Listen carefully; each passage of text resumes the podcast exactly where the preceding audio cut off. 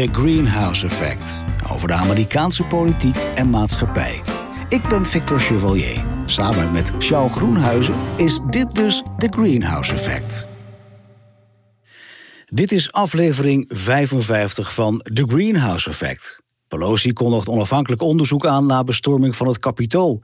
Maar ook de eerste toespraak gericht aan Europa van Joe Biden. Maar eigenlijk zouden we het helemaal niet meer hebben over Donald Trump. En ik weet zeker, Charles, dat we het vandaag weer heel veel gaan hebben over. Hoe heet die man ook alweer? Donald Trump. Begin jij of begin ik? Het zal wel moeten. Ja. ja. het is niet te voorkomen. Het is niet te voorkomen. Ja. Um, laat ik maar gelijk even beginnen met een vraag van een luisteraar van ons. Uh, Martijn Thijsma die vraagt: Heeft Mitch McConnell een tactische fout gemaakt door Trump niet definitief buitenspel te zetten? De twee zitten al een tijd niet op één lijn en het publieke moddergooien is begonnen. Nou, zo een tijdje bezig, denk ik.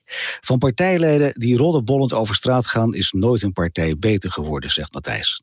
McConnell had bijna twee jaar voor de volgende tussentijdse verkiezingen Trump effectief uit de partij kunnen zetten.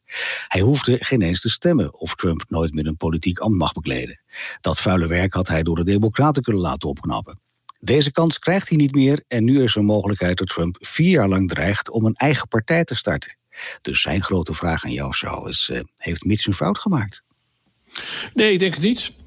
Uh, om verschillende redenen. Inhoudelijk kun je erover discussiëren. Maar Mitch McConnell heeft uh, niks tegen Donald Trump te zeggen over wel of niet in de partij of uit de partij. Want zo werkt dat niet. Mm. Uh, als heel simpel Donald Trump gaat besluiten om in 2024 opnieuw presidentskandidaat te zijn. namens de Republikeinen of de Democraten. of namens Sinterklaas of de Kerstman. dat mag hij helemaal lekker zelf weten. Dat kan altijd. Het is niet zo. Dat kan altijd. Als je okay. Amerikaans staatsburger bent, minimaal 36, geen strafblad. Uh, en uh, dan mag je gewoon presidentskandidaat zijn. Dat is volkomen vrij. En wij noemen ze Republikein en Democraat. Maar uh, het is net zo goed als in het verleden mensen als Rolf Nader of Ross Perot als onafhankelijke of als kandidaat van de Groenen. Mm. En Mitch McConnell kan daar helemaal niks tegen doen. en dat is eigenlijk ook daarmee de andere vraag gelijk beantwoord. Heeft hij een tactische fout gemaakt door hem niet uit de partij te zetten? Mitch McConnell heeft hem niet uit de partij te zetten of in de partij te houden. Dat, dat kan en als hij dat, Nee, dat kan helemaal niet. En als hij het al geprobeerd zou hebben. Uh, ik moet zelfs nog zien dat Donald Trump officieel lid is. Het zou me niet verbazen als hij het helemaal niet is. Maar dat weet ik niet zeker. Dat zou ik op moeten zoeken. Oh, okay. Maar uh, kijk, op het moment dat Mitch McConnell, laat ik het dan iets voorzichtiger zeggen, Matthijs. Als hij had geprobeerd om Donald Trump uit de partij te zetten, dan had hij massaal verzet in die Republikeinse partij gekregen. Want daar is Donald Trump nog steeds heel erg populair. Dus uh, je veronderstelling is volgens mij feitelijk niet helemaal juist. En ik denk dus dat Mitch McConnell. Uh, toch een soort sluwe vos. Ik ben het meestal inhoudelijk erg met hem eens, maar het is wel erg interessant om hem strategisch te volgen.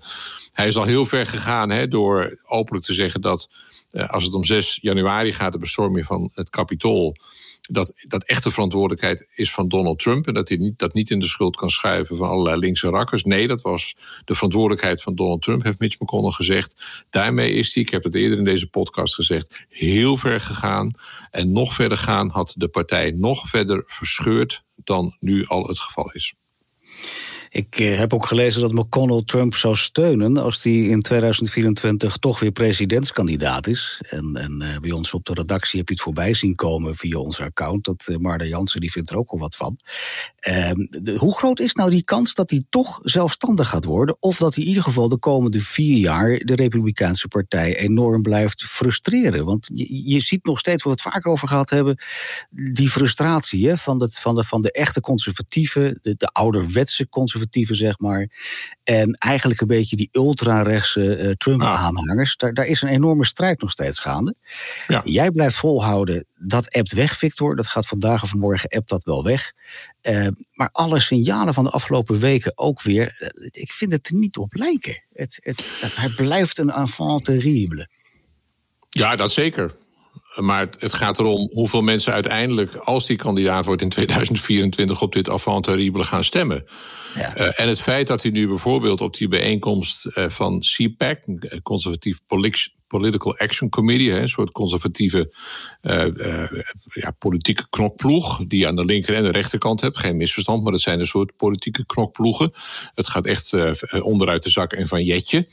-hmm. maar het is natuurlijk veelzeggend dat de meerderheid van die partij nog steeds achter hem staat. En dat mensen voor hem juichen en hem een staande ovatie geven. Maar cruciaal is bijvoorbeeld ook de peiling die op die bijeenkomst van CPAC. En dat zijn dus echt de allertrouwste getrouwen van A, de Republikeinse Partij. En dus ook van Donald Trump dat daar 68% van de ondervraagden heeft gezegd: ja, ik zie Donald Trump graag in 2024 opnieuw als presidentskandidaat. Dat staat er ook in de krantenkoppen en ik begrijp dat wel. Maar dat betekent dus ook dat 32% van die zeer trouwe getrouwen daar in Florida hebben gezegd, wat ons betreft niet. En dan roep ik graag in herinnering dat Amerika, als je het even door je oogharen bekijkt, nog altijd een 50-50 nation is. Ja, Biden heeft met 7 miljoen gewonnen. Maar als je het e- even, even door de ogen Het is een 50-50 nation met een beetje op en een beetje down voor de een of voor de ander. Op het moment dat een aanzienlijk deel van die republikeinse getrouwen nu zegt liever een ander dan Donald Trump, is desastreus nieuws, omdat je dat definitief onder, structureel onder de 50% duwt. En dat heeft dramatische gevolgen in 2022 al wellicht bij de congresverkiezingen, midterm elections.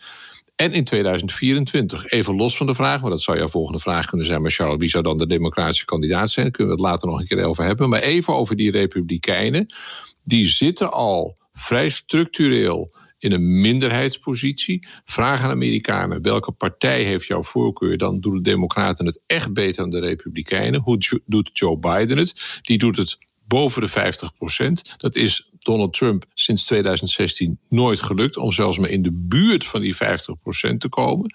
Amerika is in afnemende mate, even de haren weg en even echt uit je ogen kijken is in afnemende mate een 50-50 nation en neigt nu echt naar, ik zeg het even heel ruw, 55, 45 naar de progressieve democratische kant. En dat is voor een heel groot deel de verantwoordelijkheid van Donald Trump. Alleen hebben de Republikeinen geen serieuze andere optie. Er is niet een kroonprins. Het is een soort VVD. Er is geen plan B het is een soort VVD-situatie dat je met een hele populaire. En verder zal ik de vergelijking tussen Mark Rutte en Donald Trump niet doortrekken, dat begrijp je. Maar er is. Rutte is koning, keizer, admiraal in de VVD. Donald hmm. Trump is koning, keizer, admiraal in, uh, in zijn partij, de Republikeinse Partij. En er is niet serieus nagedacht over opvolging. En vroeg of laat breekt ze dat geweldig op. Ja.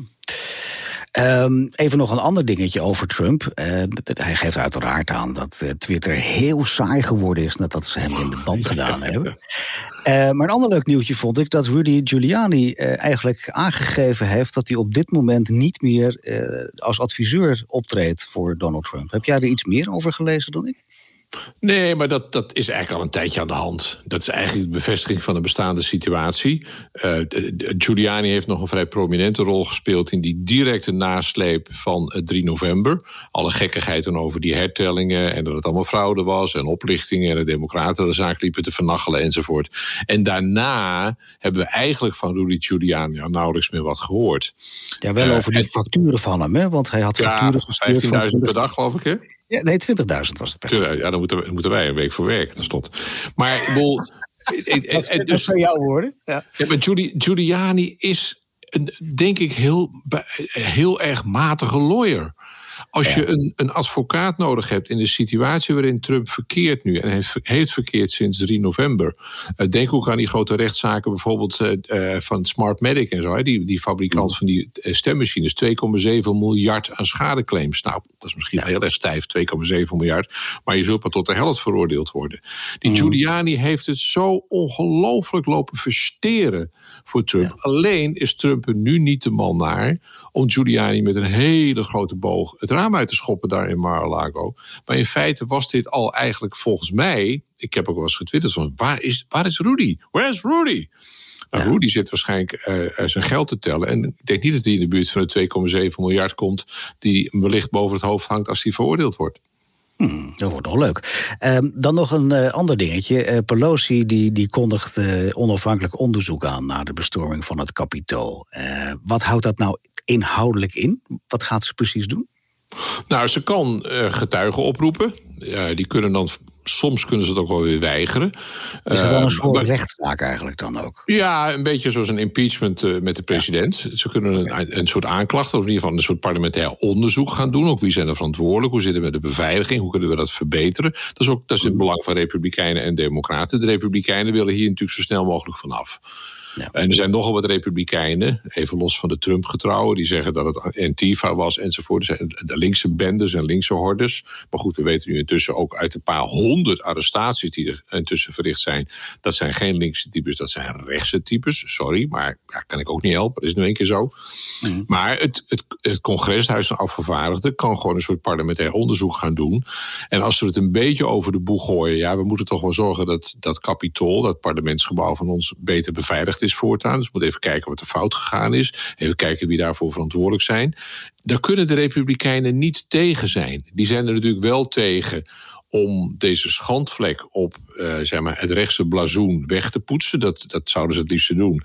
Uh, op het moment dat je het heel erg in die richting duwt qua onderzoek, dan zullen de Republikeinen dwars gaan liggen. Maar op het moment dat Pelosi het slim doet, en ik neem aan dat ze het slim, slim gaat doen, en het een beetje doet onder het motto: de beveiliging, de veiligheid, de trots van het land, uh, symbool van onze democratie, moeten we beter beschermen. Ja, dan kunnen de Republikeinen er eigenlijk weinig tegen hebben. Terwijl ze eigenlijk van tevoren weten dat er waarschijnlijk informatie uitkomt die buitengewoon beschadigend is voor hun politieke bondgenoten. Ja. Ehm, in het verleden had Trump ook hele goede relaties met Saoedi-Arabië. En eh, de afgelopen week kwam er weer wat nieuws over de moord op Khashoggi. Ja. Ehm, in een rapportage uh, werd aangegeven dat een, een, een, eh, conclusie werd getrokken dat Mohammed bin Salman de moord op Jamal Khashoggi goedkeurde. Ja. behalve dat het goed uit, uit, hard aankomt in Saoedi-Arabië zelf. Ik denk dat Joe Biden wel een probleem hiermee heeft ja, vooral, vooral, omdat ze duidelijk maken dat ze geen echte sancties tegen Saudi-Arabië of, of wat voor vorm van openlijke strenge afkeuring willen uitspreken. Uh, en dat, dat, is, ja, dat is toch een interessant keuzemomentje voor Biden. Ja. Uh, ga je achter je principes aan en dan, moet, dan zou je deze zeer trouwe bondgenoot, grote afnemer van Amerikaans defensiematerieel enzovoort, grote verkoper van olie. Maar goed, Amerika verkoopt ook veel olie. Maar goed, er, zitten, er zijn nogal wat gemeenschappelijke, trouwens ook tegenstrijdige belangen. Uh, en ik vind het wel heel opvallend dat Joe Biden toch met zijn ja, linkse progressieve, mensenrechtenachtige inborst, politieke inborst, uh, nu heeft laten weten dat hij de Saoedi's niet heel erg daarover gaat kapitelen, laat staan straffen. Uh, dat is wel, wel opvallend. Het was een, een, een interessant keuzemomentje waar eigenlijk voor Joe Biden geen luxe uitweg was. Uh, strafmaatregelen tegen Saudi-Arabië, dat is heel vergaand. Hè, gezien de verhoudingen en, en het trouwe bondgenootschap tussen deze twee landen. Het omgekeerde is ook niet aantrekkelijk. Dus hij zit in een vrij lastig parket. En Biden heeft hier gekozen voor de voorzichtige, eigenlijk weinig principiële uh, benadering. Waar je voor of tegen kunt zijn. Maar, maar, die, maar die afweging. Ja, nee, daar ben ik met je eens. De afweging is nu meer in de richting van realpolitiek dan in het begin in de richting van principes. Ja. Uh, dan moet je altijd wel afwegen wat is op lange termijn het slimste. En waar bereid je uiteindelijk op lange termijn het meeste mee. Maar dat hij nu gezwicht is voor de grote politieke en economische en defensiebelangen, dat is wel helder. En dat is een uh, ja, toch wel veelzeggend politiek signaal van de kant van Joe Biden, waar je je wel of niet boos over mag maken.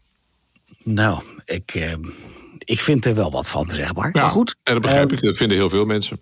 Ja. Um, Joe Biden die, die, die was um, online in, uh, in München.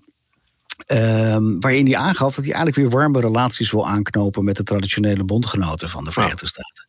En weer heel graag wil samenwerken. En dat betekent zowel, denk ik, voor zowel de NAVO dat dat een goed teken is.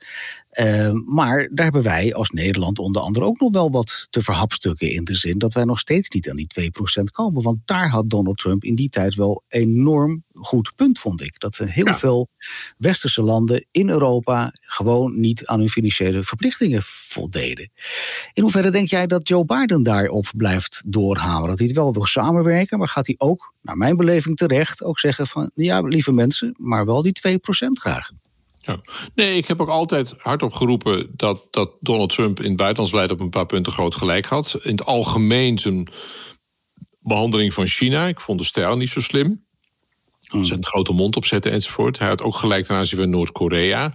Uh, My Friend Kim of The Little Rocket Man. Ook daar had hij gelijk. En inderdaad, ik ben het met je eens, Victor. Dat kwestie van wat genoemd wordt de burden sharing. Hè, gelijke uh, uh, bijdrage aan het defensieapparaat van zowel de Verenigde Staten als van de Europese bondgenoten in de NAVO. Ja, van die burden sharing is geen sprake. Het is wel ietsje minder scheef geworden. Ook omdat Nederland en andere landen die wat meer uitgeven voor defensie. Mijn inschatting is dat Joe Biden hier een fors van maken. Eén, omdat hij dat vindt, dat dat nodig is. Hij heeft ook in het verleden, loopt ook al lang mee, dat burden sharing verhaal ook vaak verteld. En dat is eigenlijk ook iets wat uh, democraten ook altijd geroepen hebben. Alleen riep Donald Trump het iets harder en met iets grovere bewoordingen. Maar het is ook typisch zo'n punt waar Joe Biden ook een beetje zijn rechterflank mee kan afdekken. Ik denk dat hij het echt vindt, maar de mate waarin hij het vindt, hè, we hadden het net over Saudi-Arabië, daar is hij dus duidelijk een beetje zich aan terugtrekken. Oeh, even voorzichtig. Het kan best zijn dat hij richting Europa wat grotere broek aantrekt, de Biden-broek. Uh, en en wat, wat krachtiger dan hij misschien anders zou doen. Uh, zal zeggen, gij zult meebetalen aan defensie. Naar rato van uh, bruto nationaal product, 2%, hoe je het verder ook maar berekent.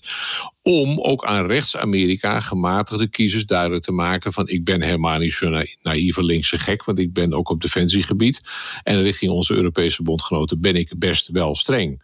Dus ja, mijn inschatting is wat je zelf al suggereert, dat Biden op dit vlak behoorlijk streng zal zijn. En ik vind dat hij daar ook behoorlijk gelijk in heeft. Daar zijn we het weer over eens. Uh, wat ik ook een heel goed punt vind, maar wat ook wel een hele leuke discussie gaat leiden in de Verenigde Staten zelf. Uh, Biden wil weer meedoen aan het klimaatakkoord.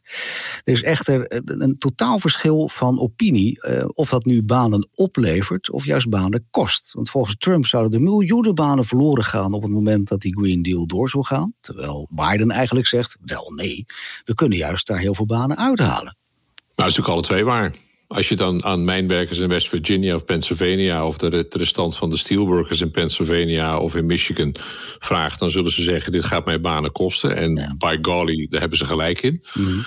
uh, het is the end of the world as we know it. Als het gaat om staal, uh, uh, of grote staalfabrieken in Amerika, maar met name ook bijvoorbeeld kool.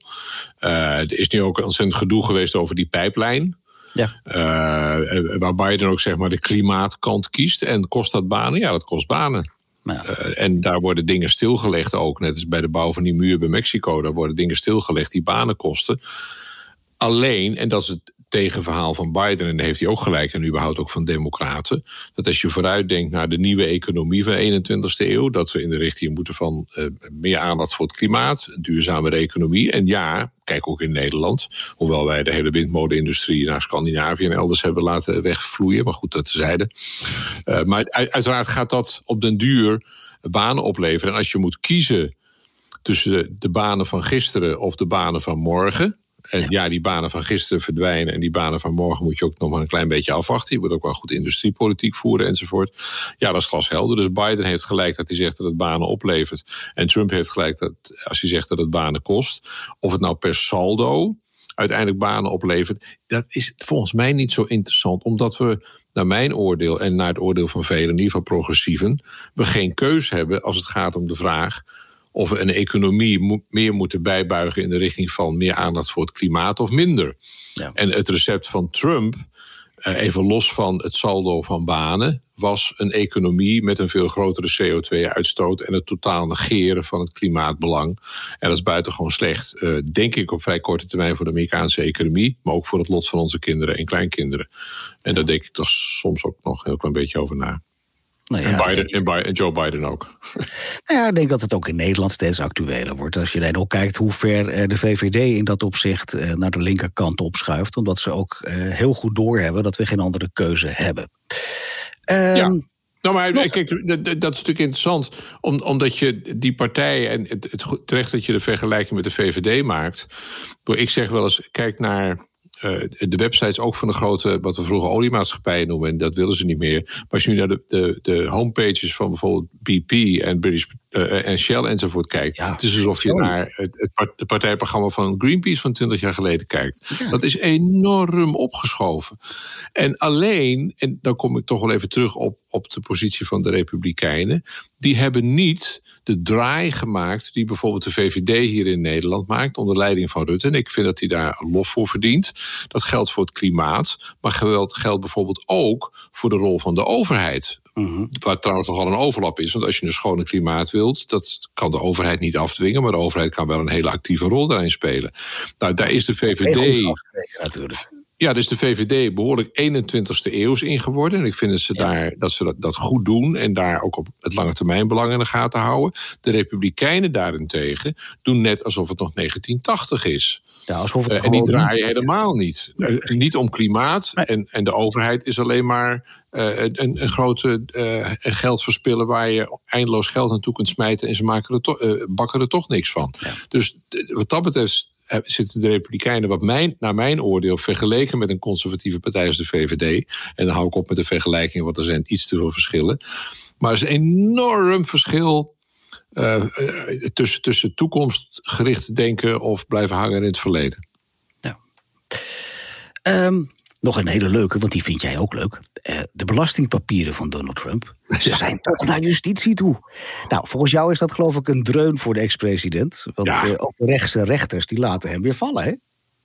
Ja, voor de zoveelste keer. Uh, de, de, Republikeinen hadden, en dat is ook een van hun grote uh, frustraties op dit moment, daar zijn ze echt woedend over. Gisteren heeft, ja. vannacht heeft Donald Trump er ook weer het nodig over gezegd in zijn toespraak bij de CPAC schande gesproken van, van het onpatriotische gedrag van die Supreme Court Justices. Nou, dat is sowieso not done. Stel je voor dat, dat Mark Rutte hier iets gaat zeggen over onze leden van de Hoge Raad, die wel een andere functie hebben dan Supreme Court in Amerika, maar toch, als premier of als president moet je er eigenlijk bij wegblijven en zeggen van het oordeel van het Supreme Court is wat het is en ik ben het er mee eens of niet mee eens, maar it's the law of the land. Geen gezeur. En hij doet het tegendeel. Uh, waarmee hij zich ook naar mijn oordeel wel een klein beetje zijn kaarten laat kijken. Maar goed, dat in alle opzichten, want ja, feiten tellen niet voor Trump. Dus de feiten van de uitspraak van het Supreme Court, of de feiten van verkiezingen, of de feiten van opiniepeilingen tellen niet als het hem niet uitkomt. Hmm. Maar het is zeker waar, die belastingpapieren. Uh, als ik Donald Trump was, zou ik daar echt ontzettend